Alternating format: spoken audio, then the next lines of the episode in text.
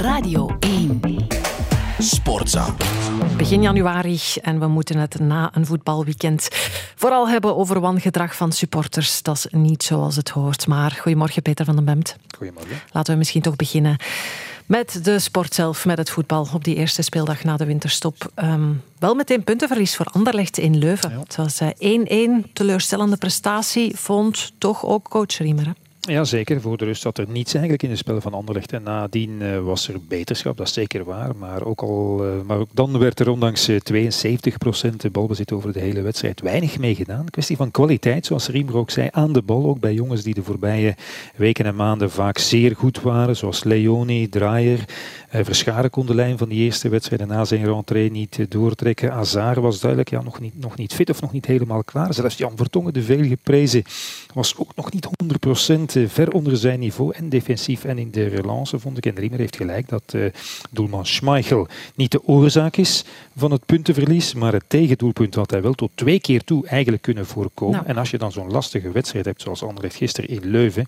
Ja, dan kan je die toch winnen als de doelman de nul houdt. En dat deed Schmeichel toch alweer niet. En hij had daarvoor geen mirakels hoeven te verrichten. Dat is toch de conclusie. Nee, het was een afknapper in Leuven.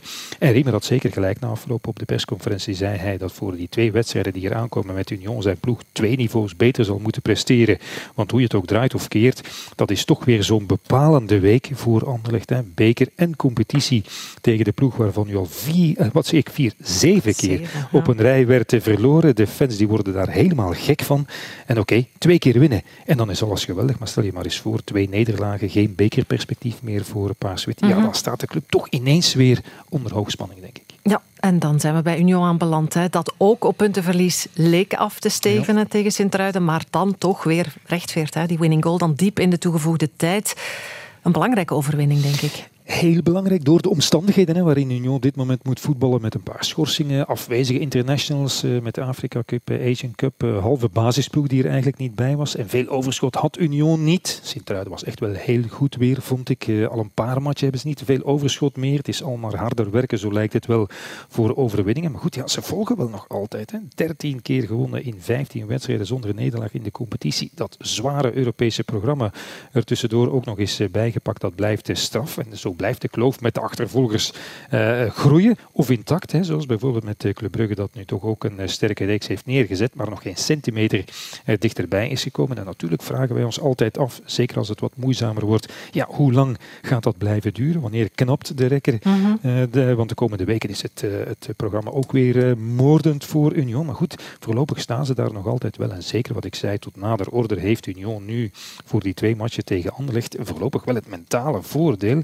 En wat ik al zei, voor Paarswit staat er eigenlijk veel meer op het spel dan voor Union. Nu eh volgen de donderdag en dan eh, zondag in het weekend voor de competitie. In Brussel wordt het een eh, zeer boeiende voetbalweek. Zo is dat. En wat verderop in Agent is het nog even bekomen, denk ik, hè, van toch ja, dat eh, negatievere weekend. De grote verliezer, Agent.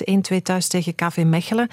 Is eigenlijk nog niet zoveel plezier geweest hè, voor de Buffalo's. Nee, in de zomer toen eh Agent besliste, anders dan iedereen eigenlijk had gedacht, eh, om niemand te verkopen, hè, niet Orban, niet de Kuipers, was toch de indruk een beetje dat Agent in het laatste jaar van voorzitter Ivan de Witte en met de nieuwe man Sambaro, die kapitaal inbracht, ook nog eens volop voor de titel zou gaan. En Gent heeft er ondanks ook een zeer zwaar Europese programma, toch vind ik een heel goede eerste ronde op zitten. Maar kijk, de club heeft zich toch moeten schikken naar de financiële realiteit met de verkoop van en eh, Fofana, nog maar net smaakmaker geworden, en Orban. Geheel logisch eh, overigens vind ik als je kijkt dat ons voetbal toch alweer 200 miljoen verlies heeft eh, gemaakt. En het heeft daarvoor, ja, opgeteld met ook al de Afrika Cup afwezig, een prijs betaald met die eh, bekernederlaag tegen Club Brugge. is ook altijd te pijnlijk. En nu ook dat verlies tegen KV Mechelen. En het ergste is, ondanks die omstandigheden had Gent die twee wedstrijden helemaal niet hoeven te verliezen. Tegen Club Brugge was er wat pech mee gemoeid. Tegen KV Mechelen geknoei achterin. Maar goed,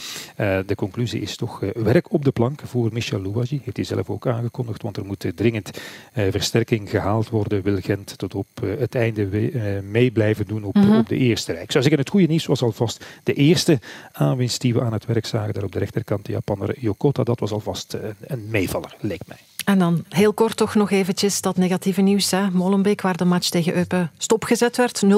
Woensdag wordt die herspeeld. Maar het was geen verrassing. Hè. De fans van RWDM hadden dat aangekondigd.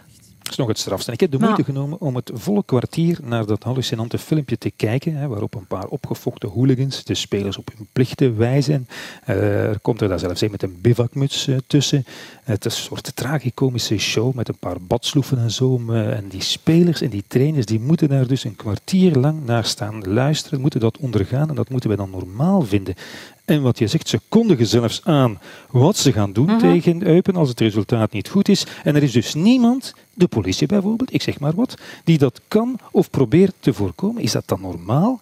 Zijn die hooligans ook na de wedstrijd gewoon weer naar huis gegaan? Of is er misschien toch iemand opgepakt? Krijgt er misschien iemand een stadionverbod? Louis Parijs bezweert mij van wel, ik ben benieuwd, maar de conclusie is toch, ons voetbal blijft gegijzeld door een gewelddadige minderheid. En het ergste is, zij vinden, dat werd daar ook nog eens gezegd, dat zij de club zijn en dat die spelers door hun slechte spel of hun vermeende gebrek aan inzet een schande zijn voor het embleem. Wel, ik stel de vraag, wie heeft die mooie club RWDM gisteren en te schande gemaakt en schade berokkend. Ik denk niet dat het de spelers waren. En ik denk dat velen dat met je eens zijn. Peter van der Bemt, dankjewel. Sportza. Sportza.